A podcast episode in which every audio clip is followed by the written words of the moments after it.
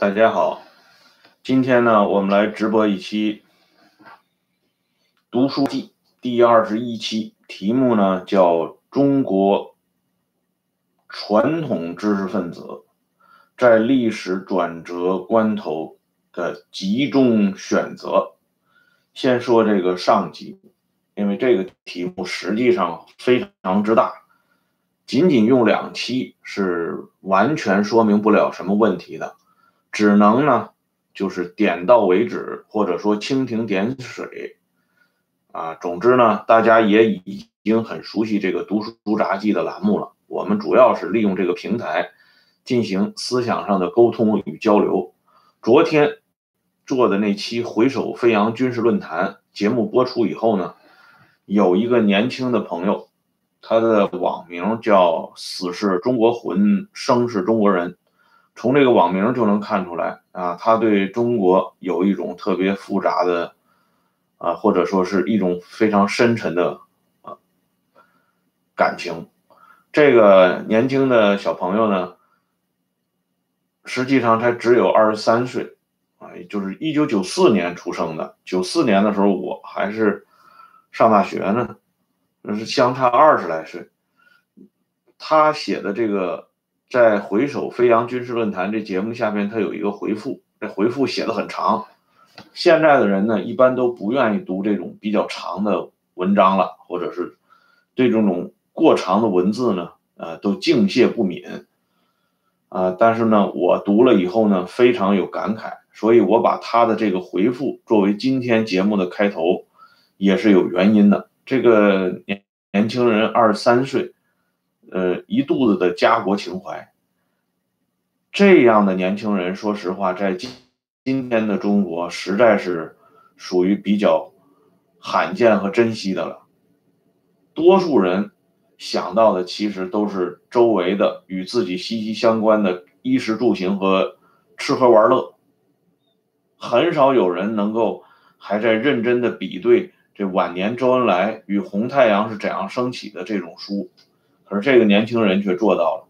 在他的思想的起伏当中呢，我们也可以看到，这种特殊具有家国情怀的年轻人在思想上的这种啊翻滚、煎熬和纠缠。他呢还提到了两个人物对他的影响，一个是大家众所周知的那位土豪。啊，经常直播节目的，这里呢我就不想提他的名字了。再一个呢，他提到了一个叫刘仲敬的人写的书对他的影响。这刘仲敬呢，我这节目里也经常有朋友呃提来提去。这个人的作品呢，我从来没有拜读过，所以呢，对他的想法呢，我也无从谈起。呃，不过呢，这个年轻人受这两个人的影响挺深的，所以呢，得以让他对这个。中国的现状和历史上的文化有了一个重新的认识。事实上呢，从这个年轻人，我们讲一叶知秋，以管窥豹。从这个年轻人他在思想上的这种，在不同历史时期上的变化，我们也可以看到，中国传统知识分子在历史转折关头，这个特殊的瓶颈时期。必须经历的这种心理历程，其实是很值得我们研究和回味的。在今天的节目当中呢，我给大家推荐一本书，是陈平原写的《从文人之文到学者之文》。这个题目呢，这个书名我会在这个节目结束以后的回复当中给大家专门写一下，包括它的出版。版次啊，推荐大家读一下这本书。这本书很有意思啊，这是陈平原当时讲课的时候，根据他录音资料进行整理，最后公开出版的。文笔相当流畅，然后呢，对于这个明清啊时代这种大变革之际，这些比较优秀、产量比较丰富的文人，在讲学过程中或者是为文过程中的一些心得。值得我们大家啊进行一下稍许的关注啊，这是今天推荐的这本书。说到中国传统的知识分子在历史转折关头的甲申之变，这场变乱带给中国的影响是非常之深远的，而且带给当时那个时代的人们的印记也是非常沉痛的啊！当时很多呃当事人都留下。诸多的这个文字和笔记，虽然这些文字和笔记在稍后的文字狱当中呢遭到损毁，可是毕竟还残留了一些印记。当时呢，应该说，这种大牌的知识分子，像我们熟知的钱树月、陈子龙、顾炎武、刘忠周，啊，可以说用当时的话讲叫大儒。这些大牌知识分子对这个明朝的覆灭和江山易手，事实上，他们已经有了一个相当准确的判断。这里呢，我给大家说点这个当时这人的原话，比如说陈子龙，他在自传的年谱里边就曾经对这个南京福王政权。有过一个整体的估量，他说：“时势必不可为，海内无治愈，节之颠覆不远矣。”而刘忠洲呢，更早，他在万历年间呢就认为，啊，今天的情况虽然像张良这样的人物，即便是有，也没有办法。他也一定是眼睁睁的啊，只眼见铜驼荆棘而已。荆棘铜驼，我们都知道，这是西晋一个著名的文人，叫索敬啊，号称敦煌五龙。索敬曾经感慨，国家不久即陷入长期的混乱之中，而门前的这些铜驼石兽也将淹没在荆棘之中。啊，由此诞生了一个成语，叫“荆棘铜驼”，比喻这个大乱将至。刘忠周在万历年间就已经预感到这种形势了，而顾炎武呢，我们都知道著名的三先生啊，顾炎武，他呢在写别人的墓墓志铭的时候，曾经说过这样一句话：“大势已去，公。”故无如之何耳？天下事而已矣。就是说，完蛋了，一切都是落花流水，春去也了。这是明朝末年这些大牌知识分子当时对整体形势的一个集中的判断。那么他们的这个选择呢？我们从明朝末年也能可以啊，也可以看出来，南明政权呢。负隅顽抗，实际上已经得不到真正力量的支持。多数的这个文人呢，是鸟兽散啊，相当一部分人就投降了，还有一部分人投降之后又反悔了，比如说钱谦益、吴梅春这些人，还有一部分人呢，像陈子龙，他们就是宁死也不投降，就是说以死全节，以死尽忠。就是说，最后履行一道程序，但是这并不表明他们对大事还抱有任何的希望。自然还有一部分人，像顾炎武、黄宗羲、王夫之，他们这些人呢，啊，包括屈大均他们，选择了不合作啊，做移民，就是遗留的遗，然后呢，躲在这种山清水秀的地方，写一些东西传给后世。同时，把自己对前代的兴亡的总结呢，也录入其中，作为一个对时代的整体的看顾啊，流传下来。从整体上讲，明朝末年的知识分子呢，这尤其这些大知识分子，他们在选择的过程当中呢，虽然有过彷徨，啊，有过掉队，甚至呢有过屈辱。啊，和有过无耻，但是呢，整体上，他们的这个气节，中国人所讲的传统这个气节，或多或少要比后代强出来很多。就是说那个时代的人呢，这个家国情怀是相当重的，所以历史上习惯于把宋明并称啊，就宋朝和明朝并称，就是说这人脑子里多数都还想点事儿。等到了清朝拿下这明朝之后呢，清朝初年的统治者严格的执行的满洲的家法。啊，有的朋友说这声音小了一点那我现在音量已经调的很大了。满洲贵族呢，执行这种从关外带来的家法，所以呢，给中国知识分子造成的这种痛苦的痕迹呢，就更为深了一些。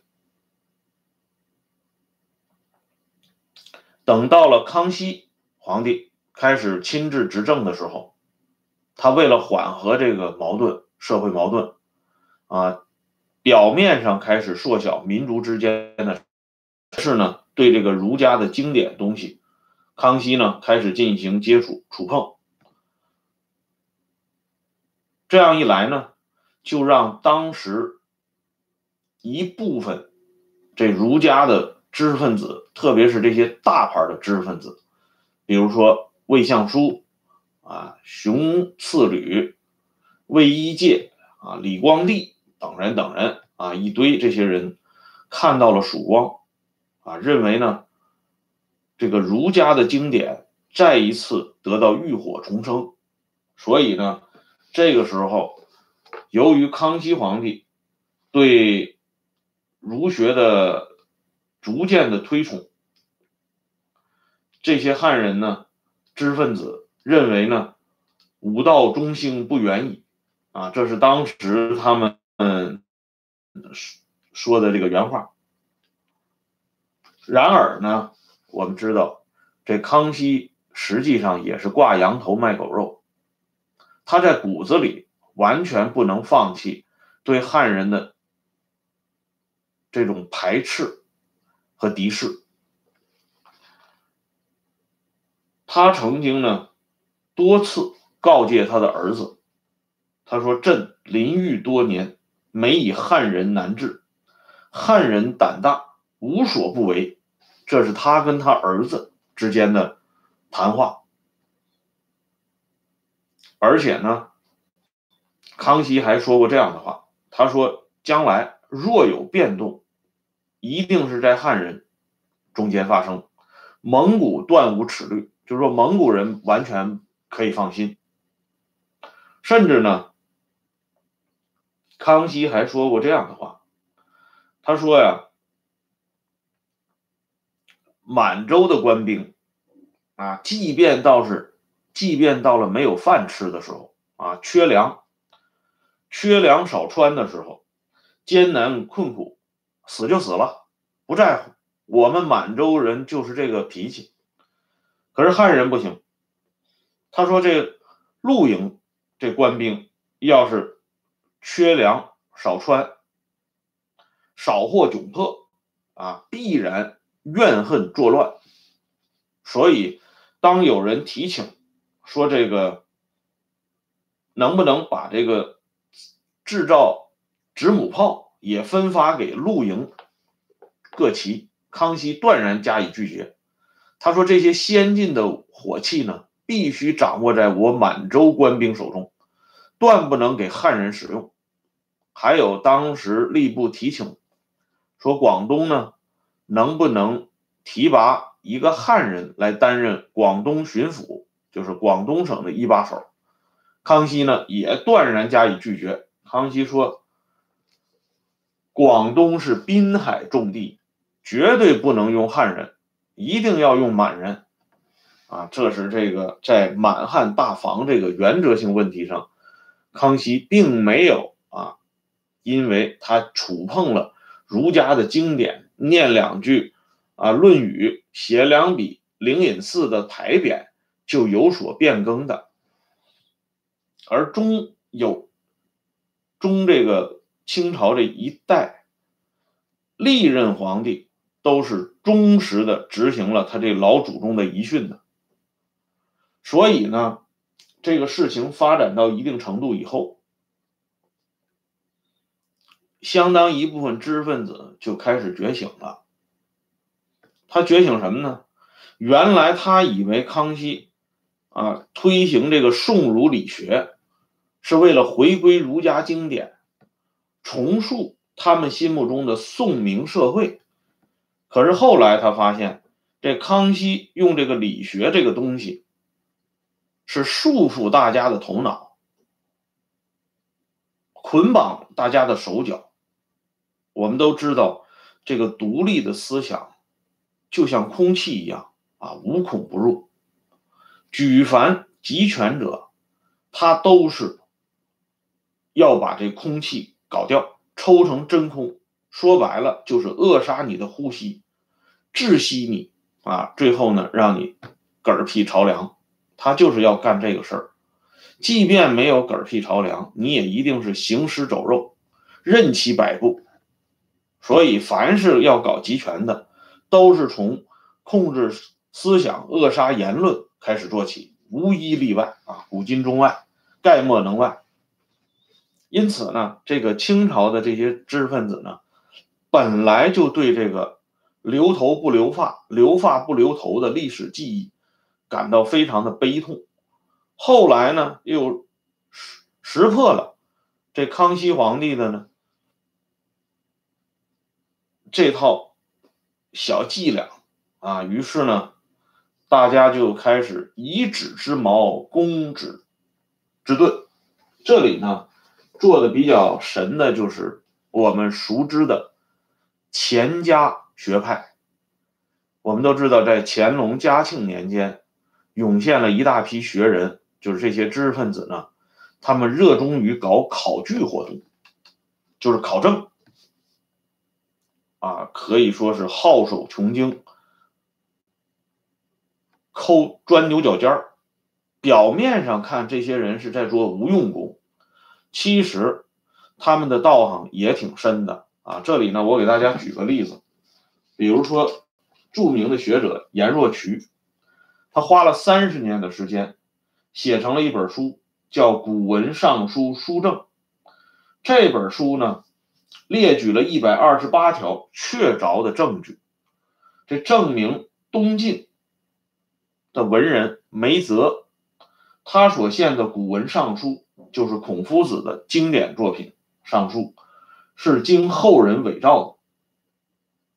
这伪造呢，据考证是出于这个魏晋南北朝时期魏人王肃啊之手。这部古文尚书呢，是宋代理学家们尊奉的经典和赖以立论的根据。一旦把他的地位掀翻政委之后，那么理学。自然也就被抽空了。你康熙以降推崇的这个理学，实际上是个假货。还有一个汉学家呢，叫胡渭，他写成一个《意图明辨》这本书的考证呢，说宋代以来的河图洛书，同唐朝以前完全不相符合，是邵雍这些人呢蓄意编造的。而朱熹，我们都知道理学老祖宗啊，鼻祖啊，朱熹所做的这个《周易本义》一书呢，正是采用了陈抟、邵雍这些人编造的东西。那于是呢，这就等于间接的把朱熹也给否了。因此呢，这个钱家考证表面上是做一些。大家不愿意搞的那种啊，针头线脑的工作，实际上呢，人家干的是颠覆性的东西，就是首先颠覆了你统治阶层赖以生存的理论基础，把你的理论权威彻底的给否定了。那么你宣传的这个理学。还有什么依据呢？因此呢，最后就出现了这种情况，就是清朝啊，乾家以来，这朝廷里边呢，还对宋儒理学抱有深深的眷恋感的人，要么出身八旗，要么出身蒙古啊。你像清朝后期的大学士倭人啊，理学名家，他就是蒙古人嘛。基本上就是说，除了满洲贵族这两大支柱满蒙联盟，这些人当中的少数人还坚持着理学，多数的汉人的知识分子已经把理学踩在脚底下了。因此呢，让这个清朝中后期整个的学风为之一变。这学风一变呢？实际上也就带来了一个新的在思想上的变化，产生了对清朝后期具有决定性作用的经世派。这些人呢，就是开始务实啊，对现实生活中的军事、政治、财务、农田等等方面呢，进行了深入的了解和研究，避开了以前那种空洞无物的。那种理论的东西，经世派的出现，正是在否定理学权威的前提下产生的。好了，既然已经对这个清朝的理论基础搞了这种动摇，那么这个知识分子在历史转折关头的时候，他。又做出了一个什么样的选择呢？就是说，嘉庆初年，川陕白莲教大起义，然后这个起义呢，就是规模越来越大。虽然在嘉庆九年，这个起义被镇压下去，但是清王朝鼓吹的康乾盛世就一去不复返了。而后呢，外国人以船坚炮利扣关，把国门给强行的打开了。中国呢，又不得不割让一块土地，做给作为殖民地，交给人家作为赔偿。整个的社会呢，又多了一道矛盾的枷锁。于是呢，在道光三十年，就是说这道光皇帝死了不久，更大规模的农民造反诞生了，就是我们熟知的太平天国。这个时代呢。整体上已经不再是理论上的颠覆，而是实体上的颠覆。这知识分子呢，我们常说“春江水暖鸭先知”，他们独得风气之先，很快就闻到了味道，说这大清啊，可能真的是要完了。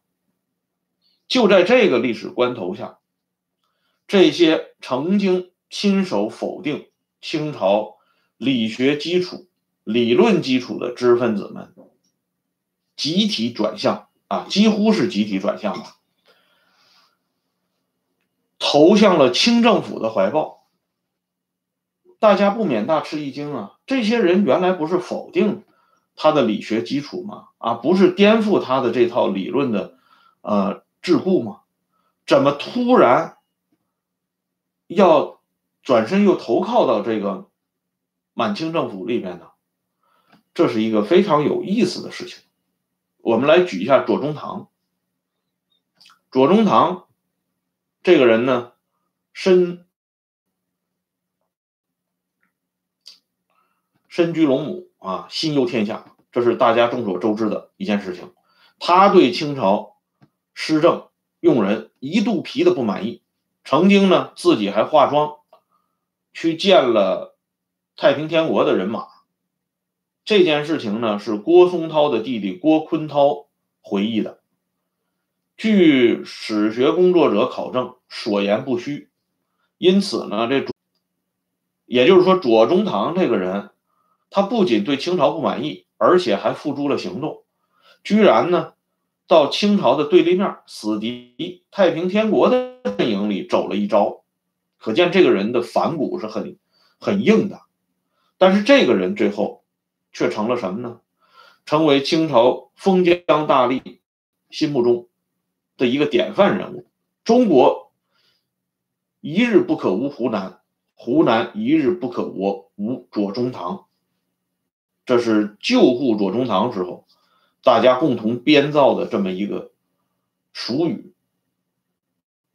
而左左宗棠呢，也不愧于这个俗语啊，虽然他是捏造的。其后呢，在为颠覆太平天国啊，粉碎太平天国，保卫捍卫清王朝，他是立下了汗马功劳。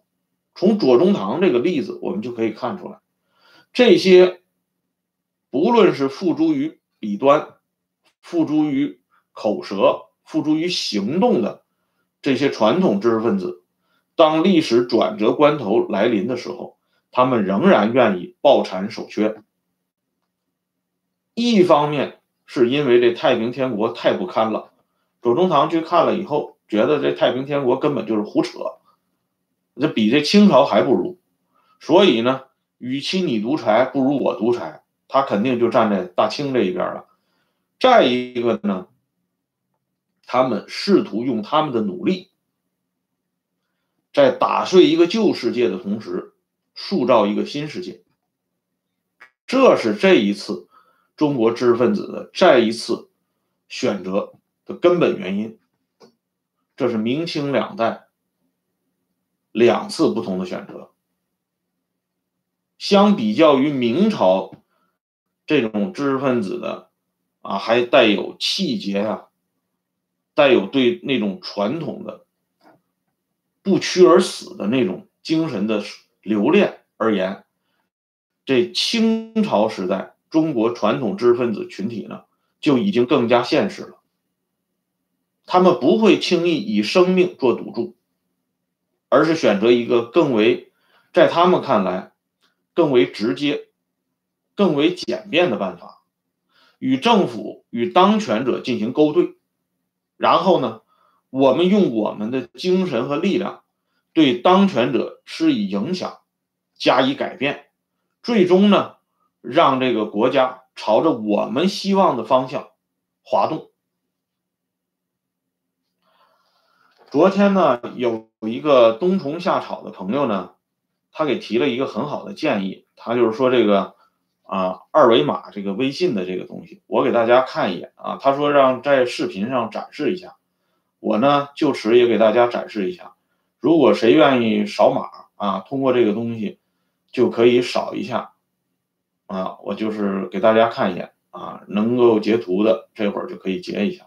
好了，另外呢，我也把这个图这个二维码呢发到了社区里面，大家到社区看一下啊，扫一下也就可以了。事实上呢，左宗棠他们的做法，包括曾国藩在内，他们的做法呢，应该说部分的实现了他们的初衷。这里呢，就涉及到一个曾国藩、左宗棠这些人，表面上是清王朝力挽狂澜的拯救者，但是呢，他实际上走的比洪秀全、杨秀清更远。正是他们把清王朝的这个棺材盖彻底的给盖上了，而袁世凯呢？钉上了最后一根无情的大钉子，直接就把清王朝给送进了坟墓。这个过程的转变，事实上也涉及到这个知识分子在历史转转折关头的这个选择问题。还有人说可以打印一个大点的二维码挂在后边的书架上。那能扫吗？因为我对这个扫码这个东西根本就不清楚，因为我很少用这微信，或者说基本不用微信。我这个微信呢，现在这个微信号是完全因为这个朋友们这次啊，希望搞这么一个打赏的这个活动啊，帮助建立起来的这么一个微信号。我从自己从来不用微信的。既然有人说可以，那咱们回头我就把这个。呃，挂上啊，从徐晓东的节目里学来啊，确实转益多师啊，这挺好。好了，今天的节目呢，时间到了，我们就说到这里。今天还会有一次直播，就是专门来讲一下林彪。光讲知识分子不行，咱们还得讲一下政变，专门讲一下林彪的政变经，这是一个非常有意思的话题，希望大家不要走开，我们马上回来，谢谢大家，再见。